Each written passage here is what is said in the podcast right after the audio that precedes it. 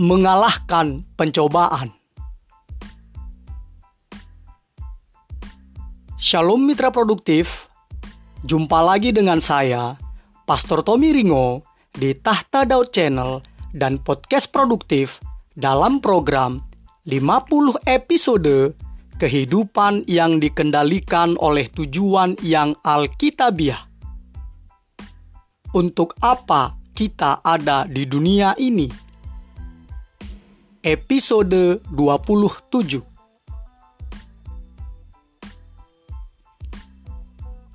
Sebelum kita belajar bersama dan memulai perjalanan rohani yang mengasyikkan ini, mari kita memperkatakan dan merenungkan firman Allah yang tertulis dalam surat 2 Timotius 2 ayat 22 terjemahan firman Allah yang hidup yang berkata,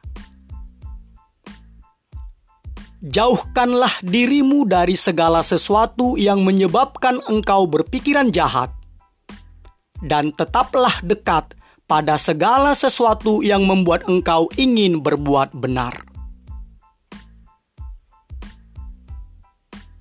Juga dalam firman Allah yang tertulis di dalam 1 Korintus 10 ayat 13.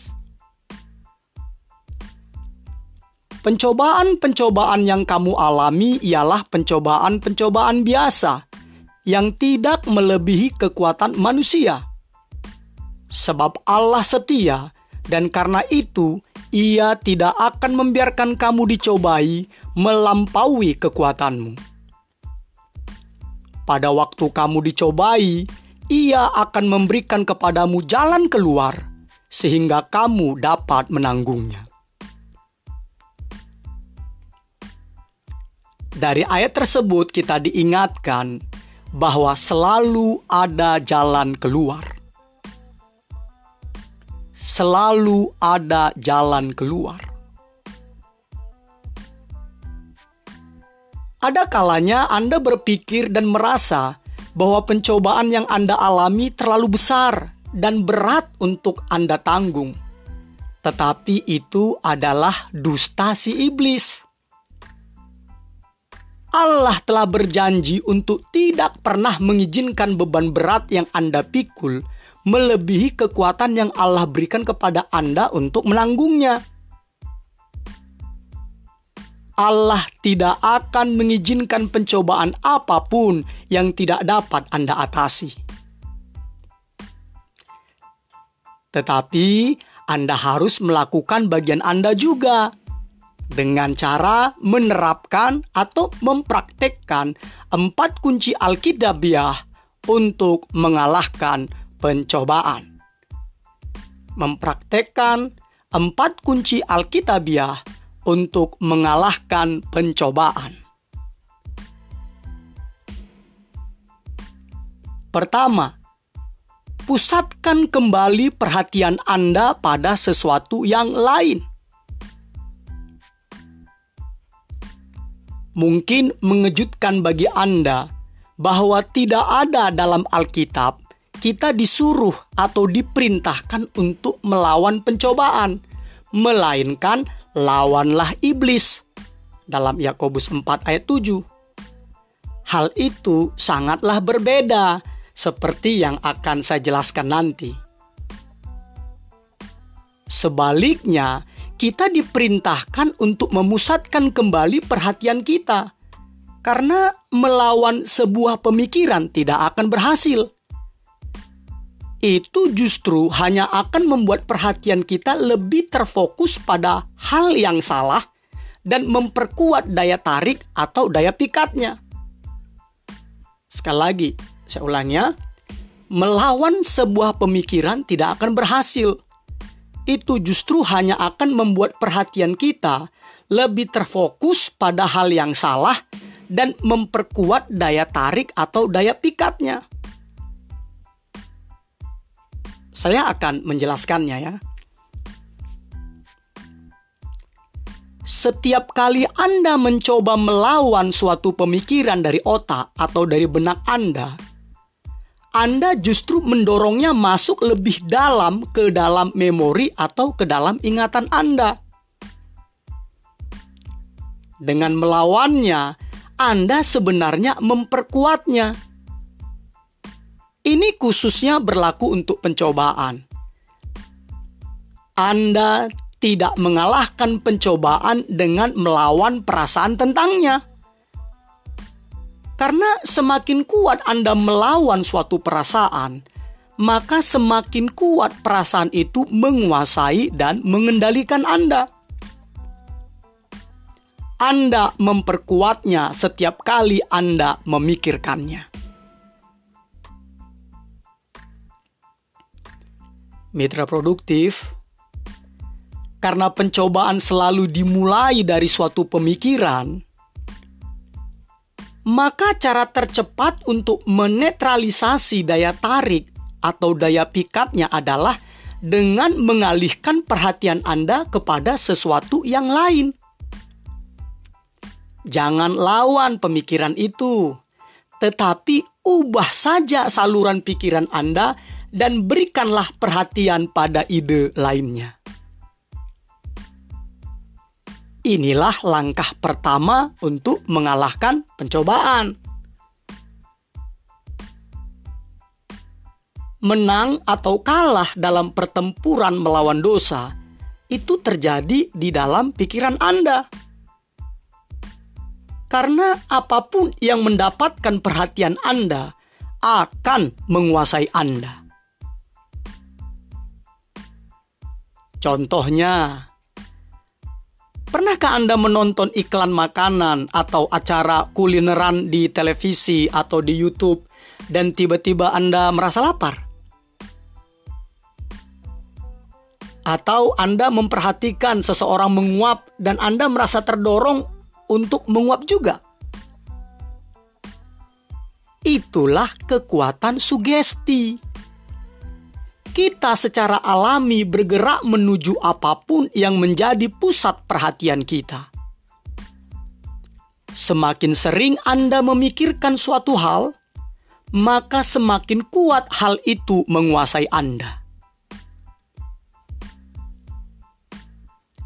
Karena itulah mengapa mengulang-ulang pernyataan "saya harus berhenti makan terlalu banyak" atau "saya harus berhenti merokok" atau saya harus berhenti mabok-mabokan, atau saya harus berhenti menggunakan narkoba, atau saya harus berhenti berbuat zina, atau saya berhenti berbuat selingkuh. Itu adalah strategi yang justru mengalahkan Anda. Strategi yang merusak diri Anda sendiri. Kenapa? Karena itu akan membuat Anda tetap terfokus memikirkan pada apa yang tidak Anda inginkan. Anda seharusnya memusatkan pikiran dan perhatian Anda pada apa saja yang benar tentunya ya, selain perasaan Anda. Ingat mitra produktif. Pencobaan dimulai dengan menangkap perhatian Anda. Karena apa yang menjadi perhatian Anda akan membangkitkan emosional Anda. Kemudian, emosional Anda akan mengaktifkan perilaku Anda. Dan Anda akan bertindak menurut perasaan Anda.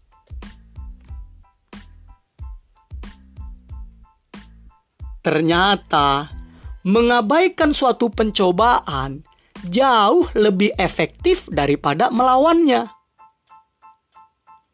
Begitu pikiran Anda sudah beralih pada hal yang lain, maka pencobaan itu kehilangan kekuatannya. Kadang ini berarti secara fisik Anda meninggalkan situasi, keadaan, tempat yang menggoda Anda.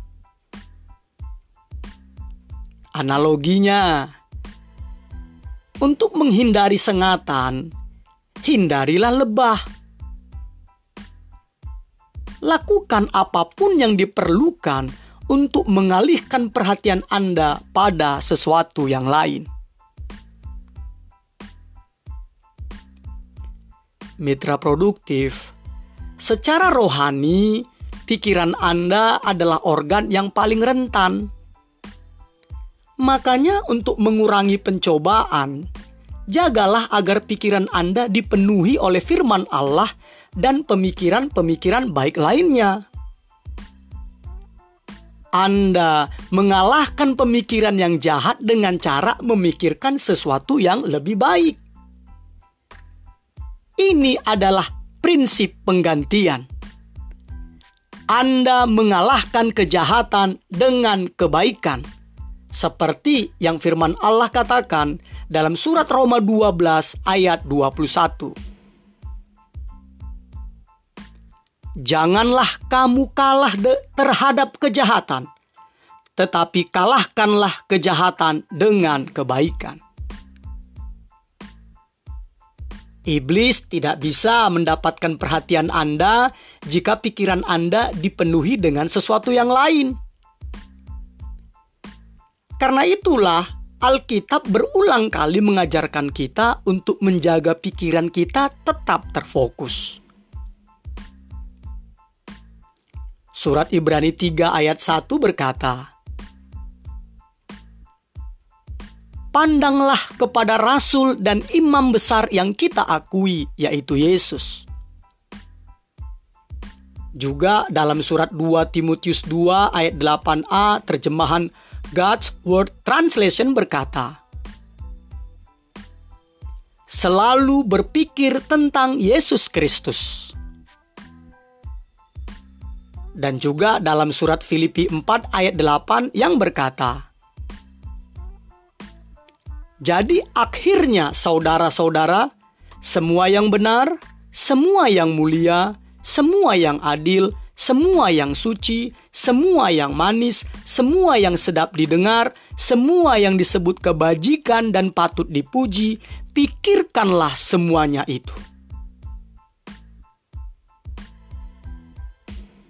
Dan lagi mitra produktif, jika Anda bersungguh-sungguh hendak mengalahkan pencobaan, Anda harus mengatur, mengelola pikiran Anda dan mengawasi masukan dari media-media Jangan mengizinkan sampah masuk ke dalam pikiran Anda secara bebas.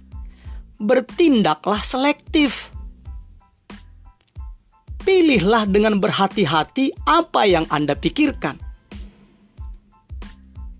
Ikutilah teladan Paulus dalam surat 2 Korintus 10 ayat 5a terjemahan New Century Version yang berkata, Kami menawan setiap pikiran serta membuatnya tunduk dan taat kepada Kristus. Ini membutuhkan praktik seumur hidup. Tetapi dengan bantuan Roh Kudus, Anda dapat memprogram ulang cara berpikir Anda. Kedua, ungkapkanlah pergumulan Anda kepada seorang teman yang saleh atau kelompok pendukung.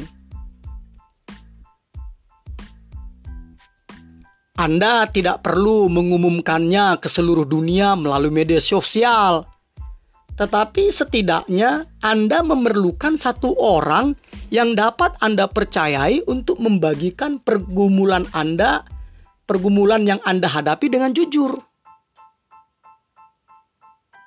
Sekali lagi ya, Anda memerlukan satu orang yang dapat Anda percayai setidaknya ya, untuk membagikan pergumulan yang Anda hadapi dengan jujur.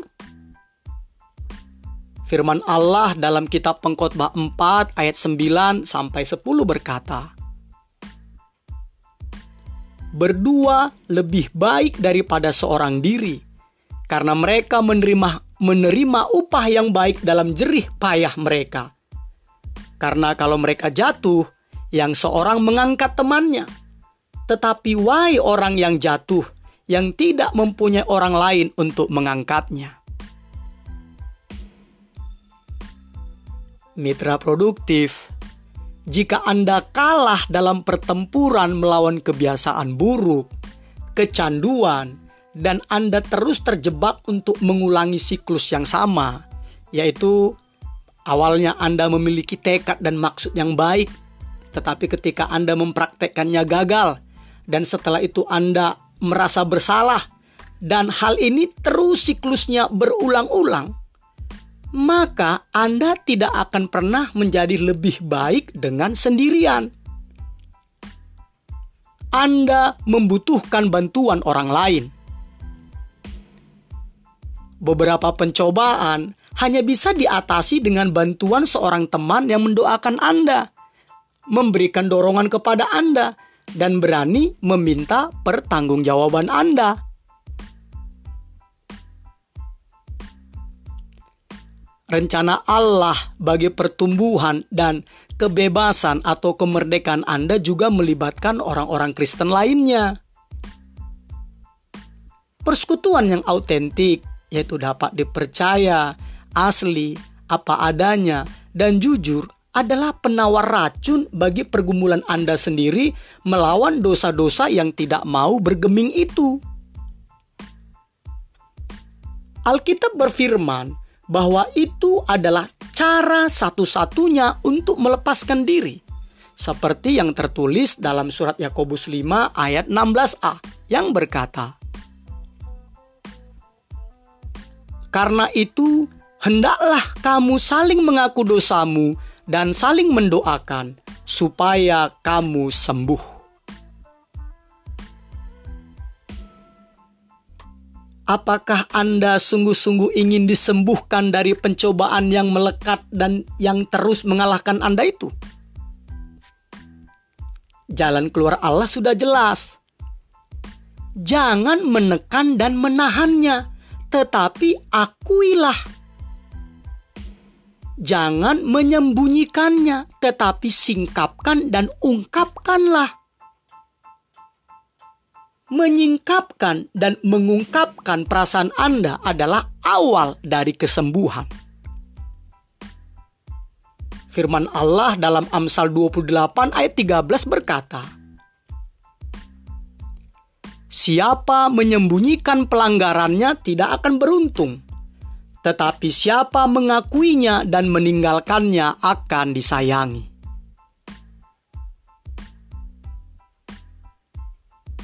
menyembunyikan pelanggaran dan luka hati Anda hanyalah memperparahnya. Karena itu, sadarlah mitra produktif. Masalah itu bertumbuh di dalam gelap dan menjadi semakin besar dan membesar.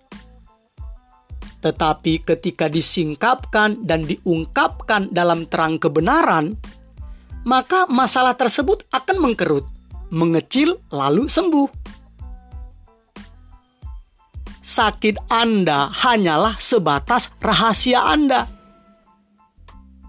Sekali lagi saya katakan ya, sakit Anda hanyalah sebatas rahasia Anda. Jadi, bukalah topeng Anda, berhentilah berpura-pura sempurna, dan berjalanlah di dalam kebebasan, berjalanlah di dalam kemerdekaan. mitra produktif. Iblis ingin agar Anda berpikir bahwa dosa dan pencobaan Anda itu bersifat unik sehingga Anda harus merahasiakannya. Padahal yang sebenarnya adalah kita semua dalam keadaan yang sama. Kita semua melawan pencobaan-pencobaan yang sama. 1 Korintus 10 ayat 13. Dan kita semua telah berbuat dosa Roma 3:23. Jutaan orang merasakan apa yang Anda rasakan dan menghadapi pergumulan yang yang sama dengan yang sedang Anda hadapi sekarang ini.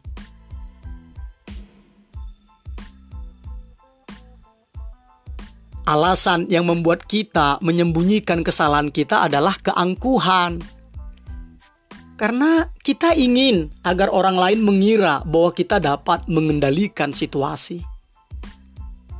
Tetapi yang sebenarnya adalah apa pun yang tidak dapat Anda bicarakan sudah tidak dapat Anda kendalikan lagi dalam kehidupan Anda. Sekali lagi saya katakan ya, apa pun yang tidak dapat Anda bicarakan sudah tidak dapat Anda kendalikan lagi dalam kehidupan Anda. Misalnya masalah keuangan, pernikahan, anak-anak, pemikiran-pemikiran, seks, kebiasaan tersembunyi, atau apa pun juga yang lain itu. Ketika Anda tidak dapat lagi membicarakannya, baik dengan pasangan atau dengan seorang teman yang saleh, sesungguhnya Anda tidak dapat lagi mengendalikannya. Kalau Anda dapat menanganinya sendiri, Anda pasti sudah melakukannya. Tetapi Anda tidak mampu. Tekad dan ketetapan pribadi tidaklah cukup.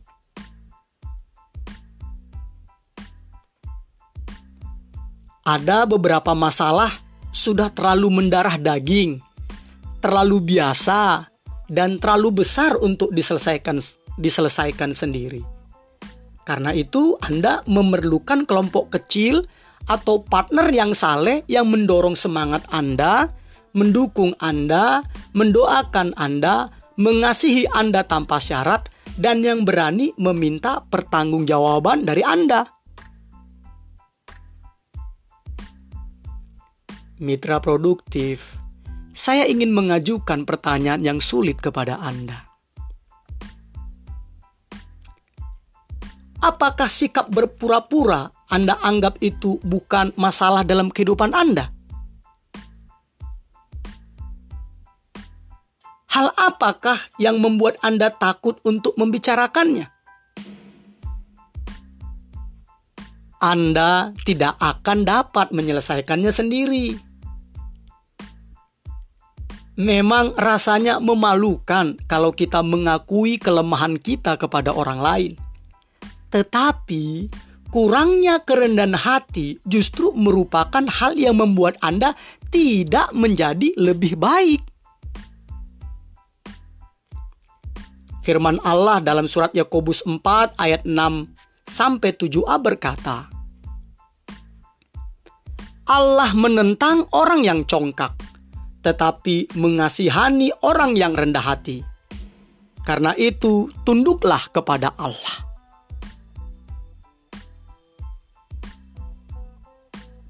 Ketiga, lawanlah iblis. Setelah kita merendahkan diri dan tunduk kepada Allah, kita selanjutnya diperintahkan untuk melawan iblis. Surat Yakobus 4 ayat 7b berkata, Dan lawanlah iblis, maka ia akan lari daripadamu.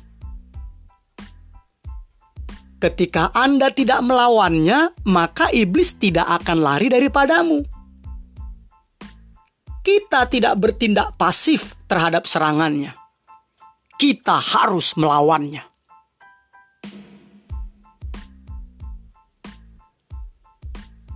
Bagaimana kita dapat melawan dan mengalahkan si iblis? Langkah pertama adalah menerima keselamatan dari Allah.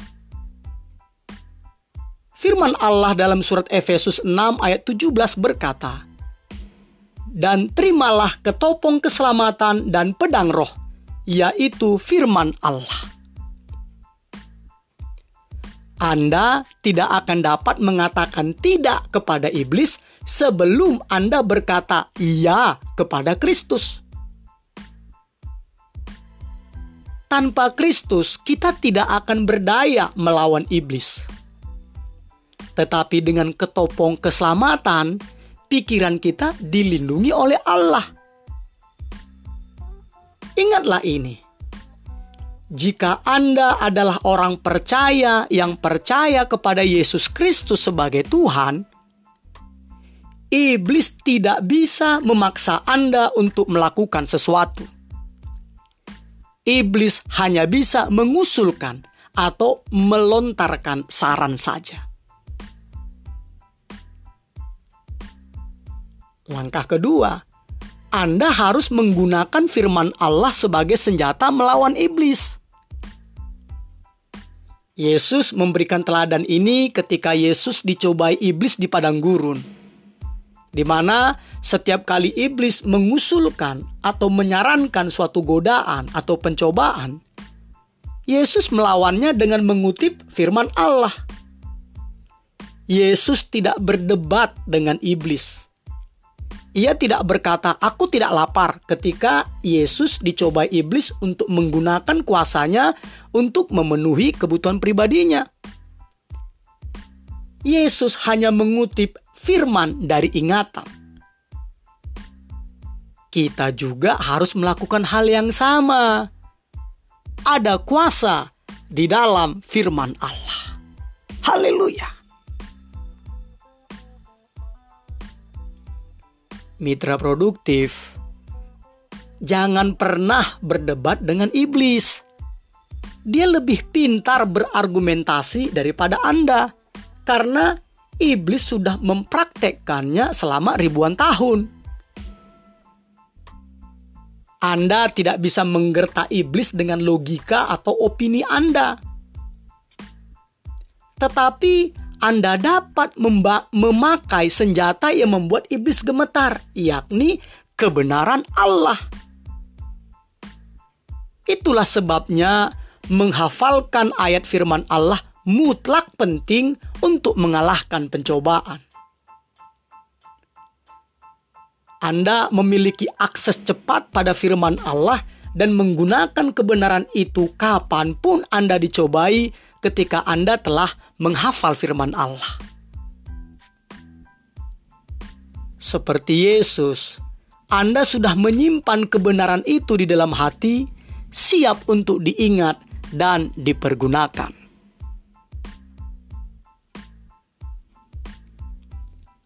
Keempat, sadarilah kelemahan dan kerentanan Anda. Allah memperingatkan kita agar jangan pernah sombong dan terlalu percaya diri, karena itu adalah jalan menuju bencana. Firman Allah dalam kitab Yeremia 17 ayat 9 berkata, Betapa liciknya hati, lebih licik daripada segala sesuatu. Hatinya sudah membatu, siapakah yang dapat mengetahuinya? Ini berarti kita pandai membohongi diri sendiri. Dan dalam situasi tertentu, kita ini masing-masing mampu berbuat dosa. Oleh karena itu, kita tidak boleh lalai berjaga-jaga dengan mengira bahwa diri kita aman dari pencobaan. Tidak boleh. Kita harus tetap berjaga-jaga dan waspada.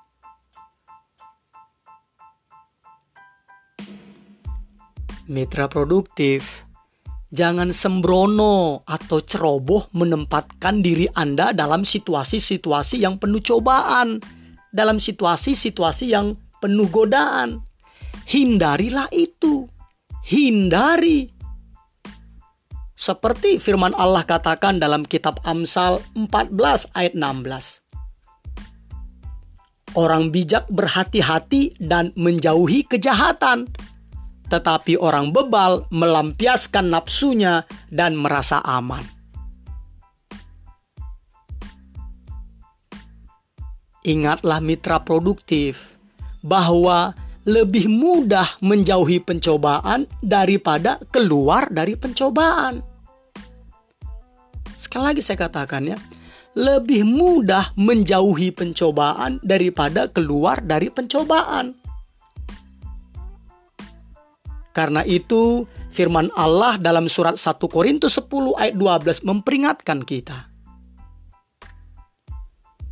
Sebab itu, siapa yang menyangka bahwa ia teguh berdiri, hati-hatilah supaya ia jangan jatuh. Episode 27 Berpikir dan merenungkan tujuan hidup saya. Nilai-nilai atau prinsip-prinsip yang harus kita pikirkan dan direnungkan. Selalu ada jalan keluar.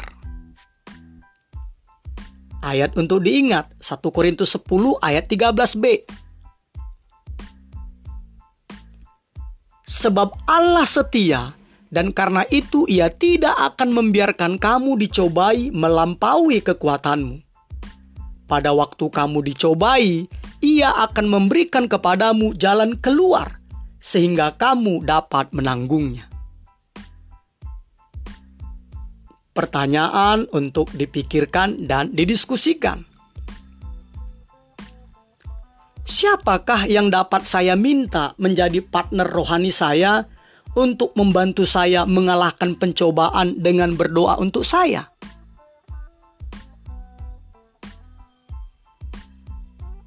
Immanuel, Allah menyertai kita mitra produktif. Amin.